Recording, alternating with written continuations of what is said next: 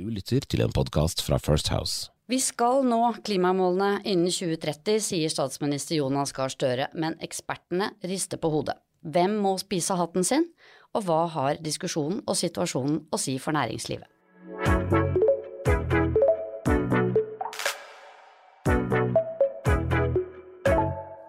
Velkommen til Skjæringspunktet, en podkast som handler om temaer i skjæringspunktet mellom politikk og næringsliv. Mitt navn er Cecilie Ditlev Simonsen, jeg er partner i First House, og det er eh, de to jeg har med meg i studio også. Det er Sigbjørn Aanes Hei, hei. og Jon Georg Dale. Hei, du. I dag skal vi altså snakke om Norges klimamål. Det har vært eh, på alles lepper i alle medier eh, de siste dagene. Og vi skal eh, innom eh, noe som heter Inflation Reduction Act, eller IRA. Vi skal innom Equinors havvindutsettelse. Vi skal innom kraftbehov, og vi skal innom kampen om ressursene. Men aller først, ukas snakkis. Hver gang vi har disse podkastene, så tar vi opp noe av det som har vært snakkes, både på kontoret og ellers de siste dagene. Og jeg trodde faktisk at vi var ferdig med lakseskatten, men vi er ikke det.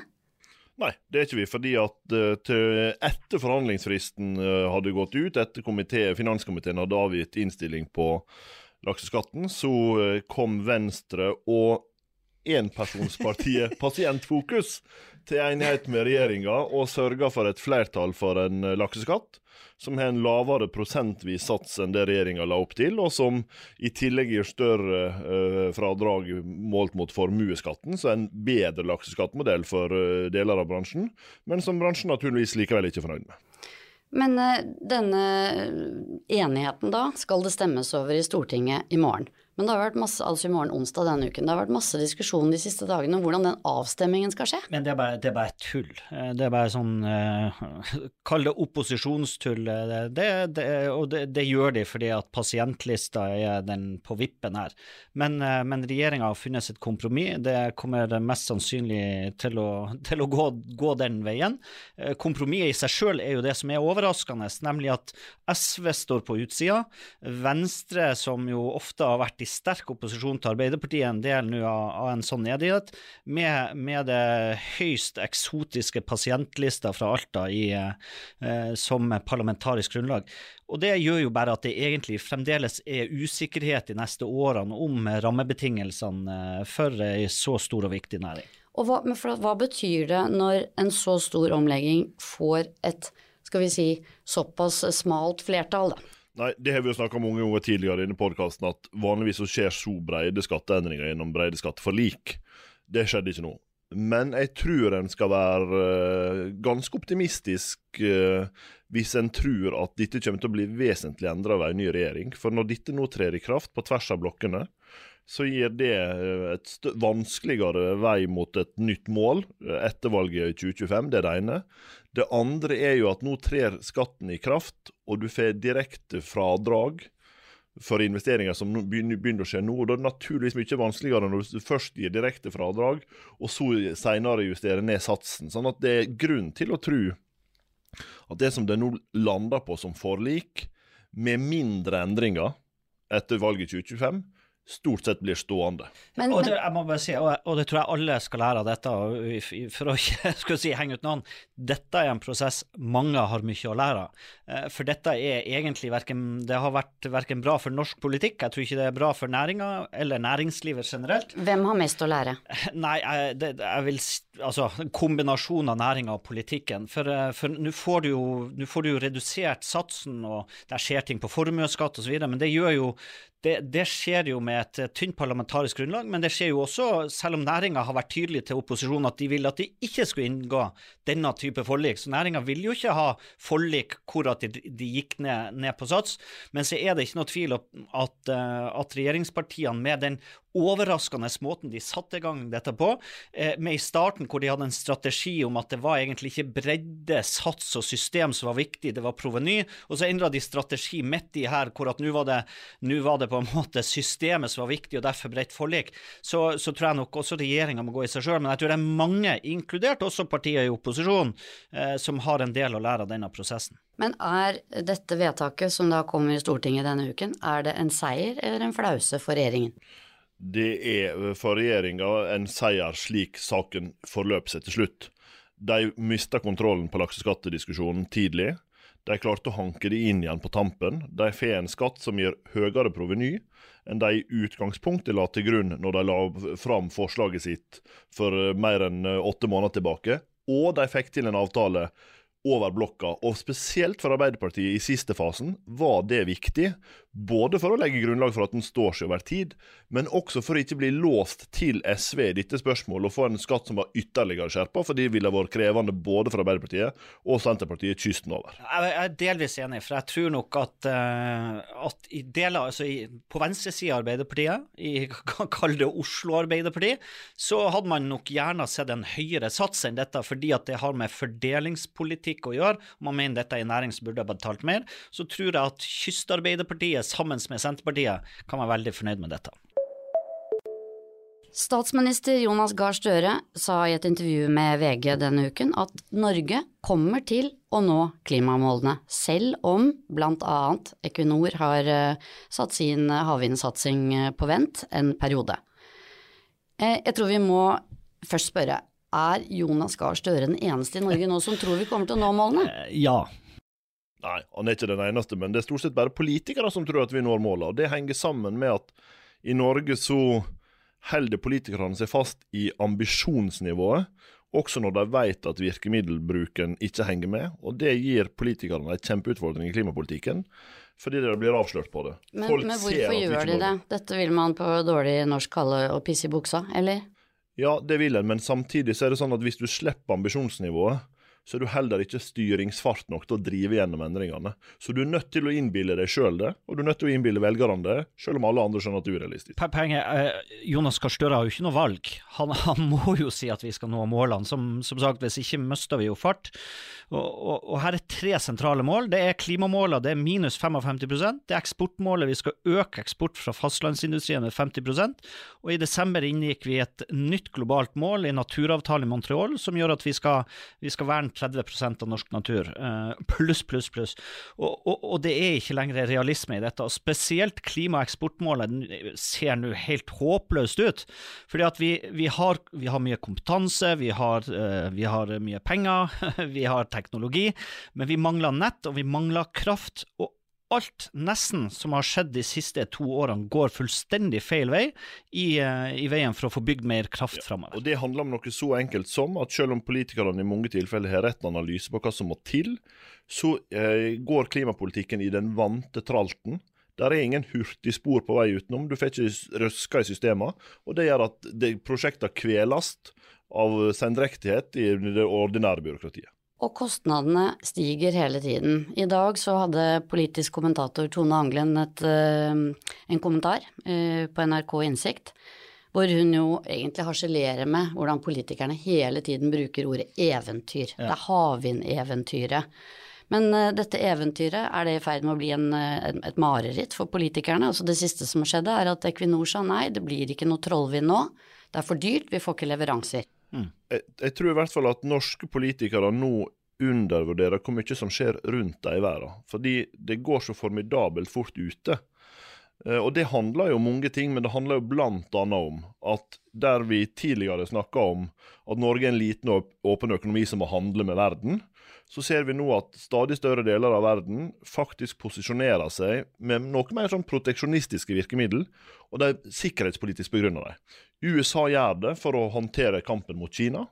EU eh, e prøver å tette gapet til Europa, nei, unnskyld, til USA. Eh, og vi står litt på utsida og holder oss med den gamle måten å tenke på. Og da går verden fra oss. Og det tror jeg norske politikere undervurderer. Ja, altså det er jo, en, som du sa, det er jo nesten en, en kamp, en konkurranse mellom USA og Europa nå. Uh, inspirert vel av Inflation Reduction Act, IRA, eller IRA, som USA kom med, som gjør det utrolig mye mer lønnsomt å etablere seg i USA enn i Europa. Og så har jo EU svart, men hva, hva gjør Norge?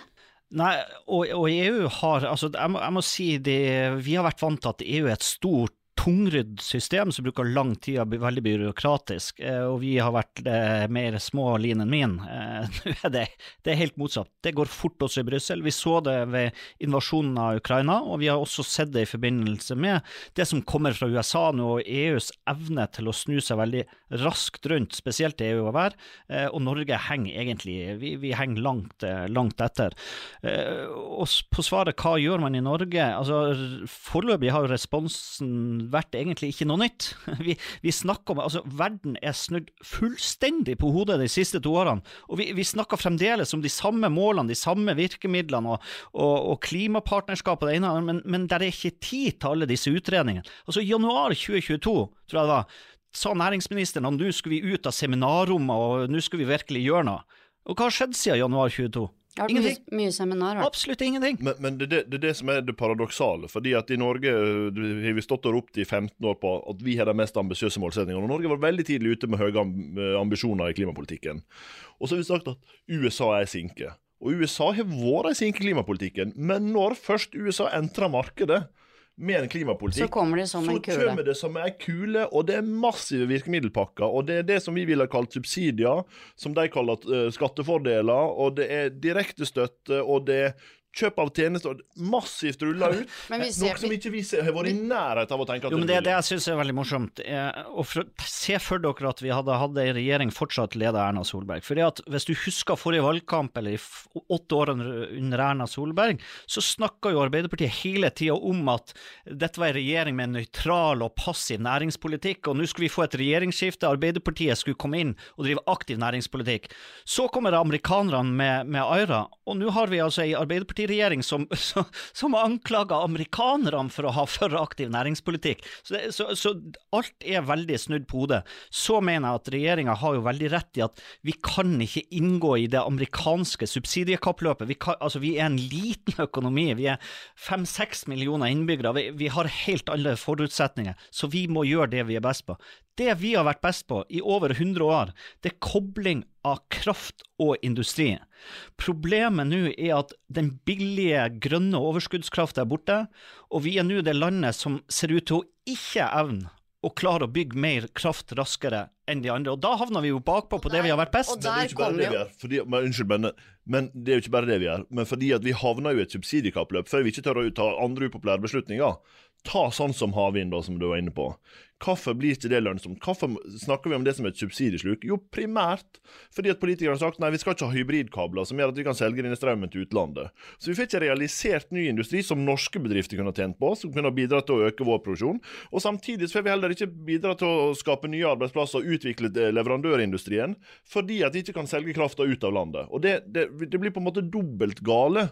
Og det, den situasjonen vi havner i nå, er jo at i tillegg til at amerikanerne nå kjører på for fullt, så kan jo Norge og norske bedrifter lide av uh, mangelen på EU-tilknytning på dette. For hvis, hvis, EU nå har laget en helt egen pakke, og Norge blir stående på utsida av den også, så taper vi først for USA, så taper vi for EU.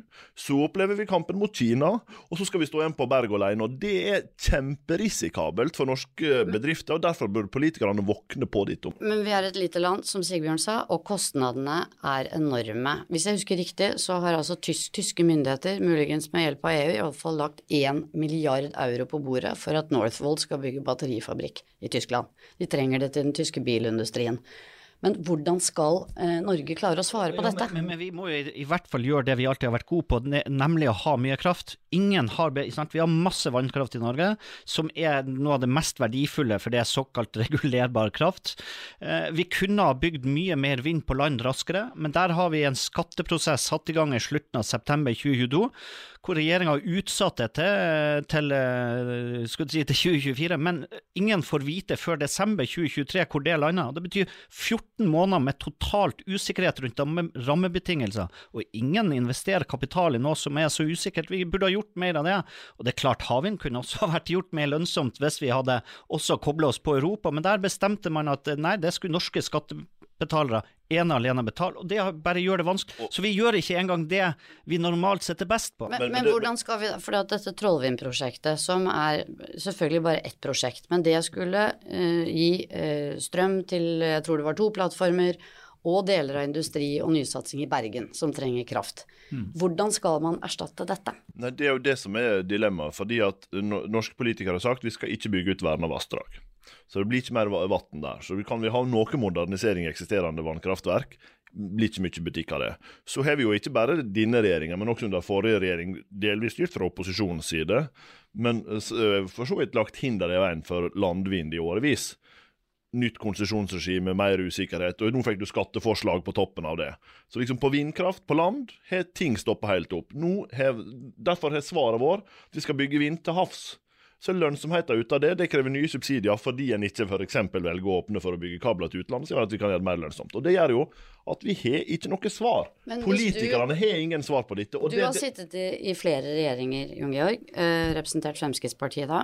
Bare lurer på, hvis du satt i regjering og hadde denne problemstillingen på bordet, hva ville du gjort? Jeg tror jeg ville starta med det som i hvert fall kommunikasjonsarbeidere, som både jeg og Sigbjørn har vært, eh, alltid prøver å gjøre. Vi må greie å fortelle folk at nå handler ikke det om vindkraft på land eller vindkraft til havs eller utbygging av vannkraft lenger.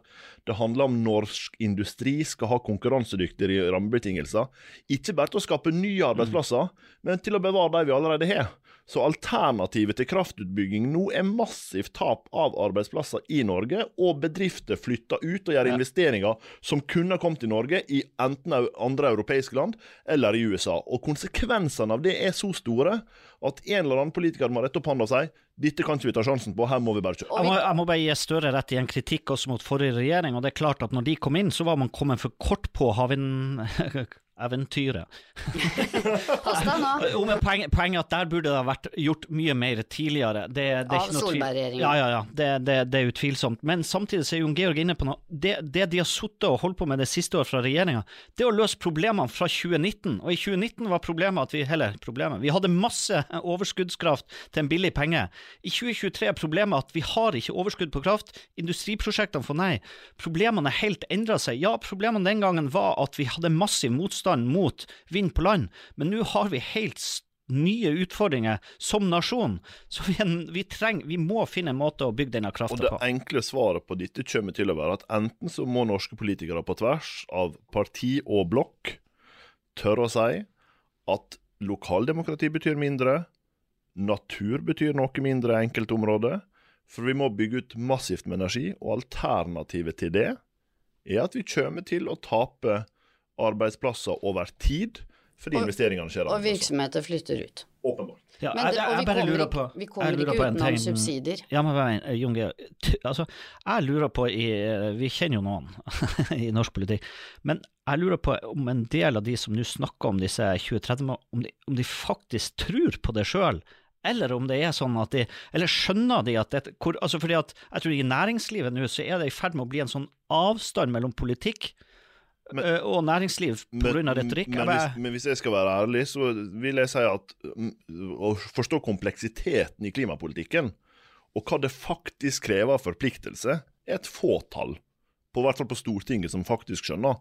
Så det er lett å ha hårete mål hvis du ikke skal betale konsekvensen av det. Men det som Det kan oppfattes som arrogant, det du sier. Ja, og det er det sikkert. Eh, men Jeg syns ikke det var arrogant.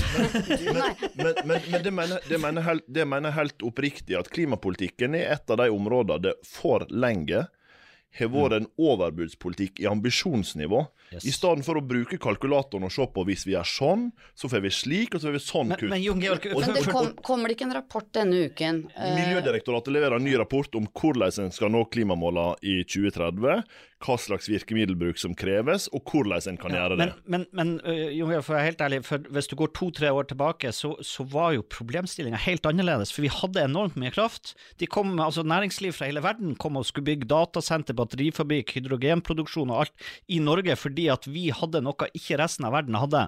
Så at forutsetningene våre for å både elektrifisere og for å bygge ny industri var jo veldig gode. Hvis vi hadde fortsatt å bygge ut den krafta. Men plutselig så har jo verden endra seg, og den, den overskuddskrafta er borte. Og da klarer ikke politikken å snu seg rundt, fordi at problemet er Problemstillinga er endra, og så klarer du ikke å snu deg rundt og si ok, det er et annet problem nå vi må løse, og vi må løse det fort. Og andre land og andre markedsområder er opptatt av å sikre seg selv, mens vi blir sittende litt på utsiden. Ja, fordi at dette handler ikke lenger om eller energipolitikk, industripolitikk eller klimapolitikk isolert. Det handler om det store bildet. USA gjør dette fordi at råvaretilgangen uh, er sensitiv. Altså uh, Russlands uh, inntreden i Ukraina det siste beviset på det. Men det har jo vært en, handelspolitisk glidning i dette, som gjør at kampen om viktige mineraler, kampen om viktige naturressurser hardner til, og hvert enkelt land tenker at de må være, i større grad ha bygd en egen buffer til det. Og da er det for det som ofte er en fordel for Norge, et lite land med en åpen økonomi som kan snu seg raskt, med høy tillit mellom folk og politikere f.eks., opplever plutselig at alle andre er større og springer raskere. Og det er det som kommer til å være utfordringa for norsk industri fremover. Og dette er altså en ny krise, men vi har jo lært at Jonas Gahr Støre liker ikke å bruke ord om krise. I alle fall ikke når han er på vakt. Burde han brukt det? Nei, og det, det, begrepet er Jeg mener at man burde ha brukt en endra verdenssituasjon eh, til å også få en større ja, kriseforståelse i befolkninga. Ok, ja da, vi, vi, bygde Vi skulle gjøre Norge til Europas grønne batteri med å bygge vind på land. Det var kanskje en feilslått politikk, ført av flere regjeringer. Nå må, må, vi bygge kraft av en helt annen grunn. Det handler om både å redusere utslipp, men også å bygge norsk industri for fremtida. Det handler ikke om Vi skal ikke gjøre det for resten av Europa, vi skal gjøre det for oss sjøl. Og den, der kunne man ha bygd opp en ny problemforståelse, mener jeg, fra norsk politikk. Og det det, det handler om igjen, ikke sant, det er jo at Norge kunne potensielt fortsatt vært i posisjon til å nå klimamålene sine innen 2030. Men vi har også avgrensa vårt eget handlingsrom. Når vi har sagt at vi skal ta mest mulig av kutta sjøl, vi skal bruke kvotemarkedet så lite som mulig, eh, så har du jo på en måte brukt en del av den fleksibiliteten og mekanismene du har, til å liksom føre en, en, klimapolitikk som aktivt gjorde at det norske regnskapet isolert sett sto best ut raskest mulig. Altså, det blir jo et mareritt å ta over, eller de som skal styre fra 2025 til 2029, det kommer til å bli heftig. Altså Man tror det er tøft denne perioden, men, men jeg skjønner ikke hvordan du skal få det til å gå i hop når du begynner å nærme deg 2030. Er det mange, mange som uh, møter seg selv i døra? Nei, men altså, Sannsynligvis. Så, så, altså, nu, vi, kommer så vi kommer til å komme så sent i gang med den kraftutbygginga at vi kommer tilbake igjen til et kraftoverskudd en gang på 2030-tallet. fordi at vi fikk ikke ikke elektrifisert den industrien vi skulle. Vi fikk ikke den nye industrien. Sånn at behovet for kraft kommer sannsynligvis til å bli veldig mye mindre, men det er ikke godt nytt for Norge. Nei, fordi det handler rett og slett om at investeringene kommer ute. Men, men det, her, det her, jeg tror vi kommer til å måtte se endring fra et liksom I hvert fall styringspartier, da, må vi kunne forvente at tar dette opp i seg. Fordi at den Og når du sier styringspartiene da, Jeg snakker om Arbeiderpartiet og Høyre. Mm. Uh, når, når vi, vi, kommer inn mot valget i 2025, hvis de ikke tør å si at disse prioriteringene blir reelle Det blir ikke et spørsmål om vindkraft eller vannkraft lenger. Det blir et spørsmål om skal vi bygge ut ny kraft, eller skal vi akseptere at arbeidsplasser forsvinner? Det er, den, det er, den, situasjonen som kommer til å bli reell, og det er den situasjonen de må tørre å konfrontere velgermassene med. Og I mange tilfeller så tror jeg det gir økt mulighet til rask utbygging, hvis de greier å få virkemiddelapparatet for øvrig til å snu seg. Og vi kommer ikke utenom sterke subsidier. Eller? Vi Altså, poenget er jo at vi, vi, har ganske, vi har allerede i dag en god del penger i det såkalte virkemiddelapparatet, for vi kaller det ikke subsidier lenger, vi kaller det risikoavlastning. for, for, å pynte krisen. Men, men, men, Det er for å skape eventyr? Jo, for å skape eventyr. Men eh, nei, vi kommer nok ikke unna at staten også uh, kommer til å måtte bruke store penger, men vi kommer ikke til å konkurre, kunne konkurrere om Uh, om alt. Vi, altså hydrogenrør til Tyskland og batterifabrikk, eh, flere batterifabrikker, hydrogenprosjekter osv. osv. Det er klart, vi kan ikke Vi har ikke Vi kan ikke bare presse opp dollar, men vi har et oljefond. Men allikevel, vi, vi kommer ikke til å kunne matche på alt men vi må bruke noe mer. Og, og da er det bedre hvis regjeringa nå kanskje Altså, nå må vi litt lengre frem i skoene. For hvis vi havner bakpå, så er jeg redd for at vi mister mye unødvendig. Og vi må bruke de komparative fortrinnene vårt. Energi har åpenbart vært det, og er fortsatt mulig for oss å være det, men det må skje raskt. Det er det ene. Det andre er jo at vi uh, kommer til å måtte ha innslag av subsidier eller skattefordeler som andre land gjør. Men det tredje, som norske politikere i hvert fall burde slutte med hvis de mener alvor om dette, er jo å gjøre vedtak som hindrer at markedet bare får fungere. Så når norske politikere sier nei, vi skal, for eksempel, nei, for eksempel, vi skal ikke bygge strømkabler til utlandet. Hvis vi hadde bygd strømkabler til utlandet med energipriser som er høyere, så hadde vi fått raskere i gang utbygginga, og vi ville fått også kraft til land i Norge.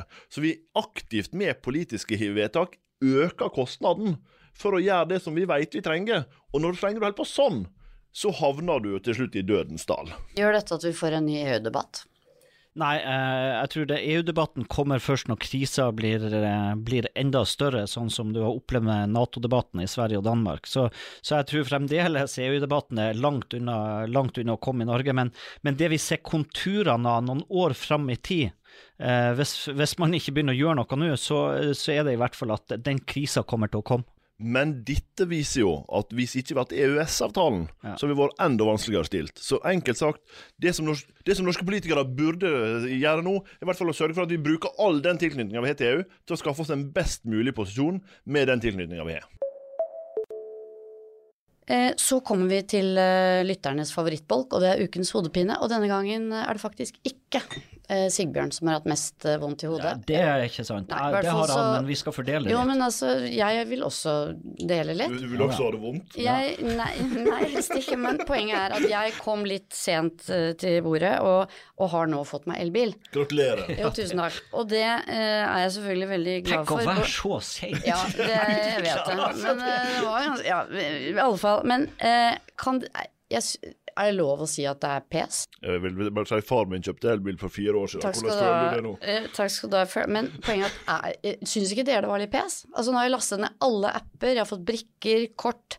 Og første gang jeg skulle lade, så syns jeg likevel det var vanskelig. Altså Jeg bare ønsker meg jeg kunne ikke bare være én, ett system, liksom. Nei, altså dette er jo min hodepine, og jeg kan avsløre at det er ingen brikker, for de forsvinner jo. Så, så hva, jeg prøvde hvordan? også med de appene. Det er mareritt. De er ja. dårlig, elendig, ubrukelig, og det er ulikt og Nei, her er det en jobb å gjøre. Altså, jeg er så lettet over at vi kan dele dette, Sigbjørn, for jeg men, føler meg skikkelig teit. Ja, men, uh, uh, uh, jeg, har fått lade, jeg har bilen i, i to men, uker, jeg har lada, altså. Men du kjøpte Audi?